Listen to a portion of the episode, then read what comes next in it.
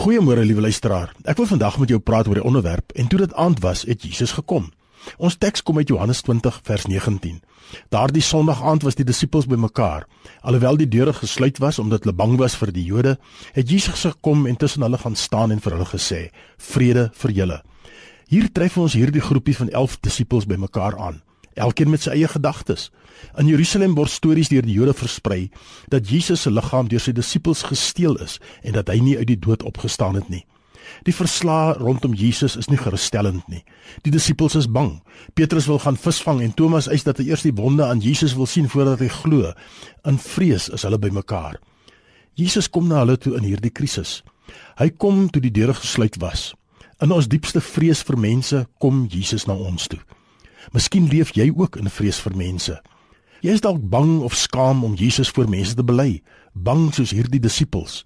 Hulle is te bang om hulle neus by die deur uit te stoot. Is jy ook bang? Het jy vrees? Jesus kom vandag na jou toe. Hy het tot die beangste disippels gekom op 'n stormagtige see. Die disippels is bang dat hulle sal vergaan en die see is rof. Miskien is die lewenssee rondom jou ook rof vandag. Probleme in die huisgesin, dinge wat nie wil reg verloop tuis of by die werk nie.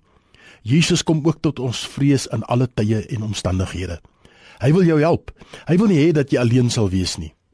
Jesus kom ook tot onsuksesvolle vissermanne daar op die see van Galilea. Arme Petrus het uh, die hele nag vis probeer vang en nie een enkele vis ingetrek in sy nette nie. Visvang is sy lewe, sy inkomste. Dan kom Jesus en sê vir hom om die nette aan die ander kant uit te gooi. Miskien beleef jy ook 'n finansiële nood. Almal eis geld van jou af en jy weet nie herwaarts of derwaarts nie. Hy wil jou help. Hy wil hê dat jy in volle afhanklikheid van hom sal leef en hom vertrou om in jou daaglikse behoeftes te voorsien. So kom hy ons ook tegemoet in tye van finansiële nood. Jesus kom ook tot 'n arme moordenaar aan die kruis. Die man het besef dat Jesus werklik die Messias is en hy vra hom genade. Jesus weier in hierdie man se sterwensuur nie vir hom toegang tot die paradys nie. Hy word verlos van sy sonde, maar verkry ook die paradys as beloning.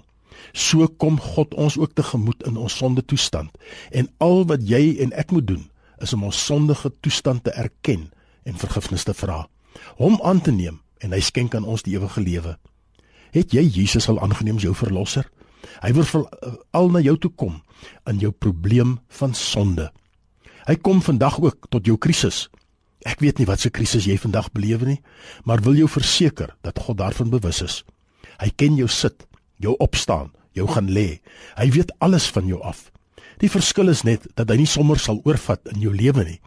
God wil hê dat jy sal erken jy het 'n probleem. En wat is die grootste probleem in jou lewe? Sonde.